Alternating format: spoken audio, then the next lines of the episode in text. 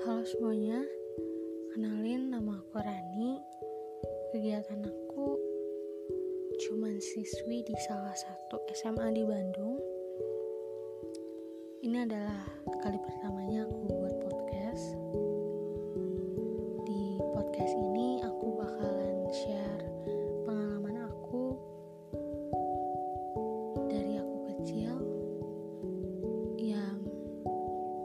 yang jelas sih ini pengalaman yang horor sih buat aku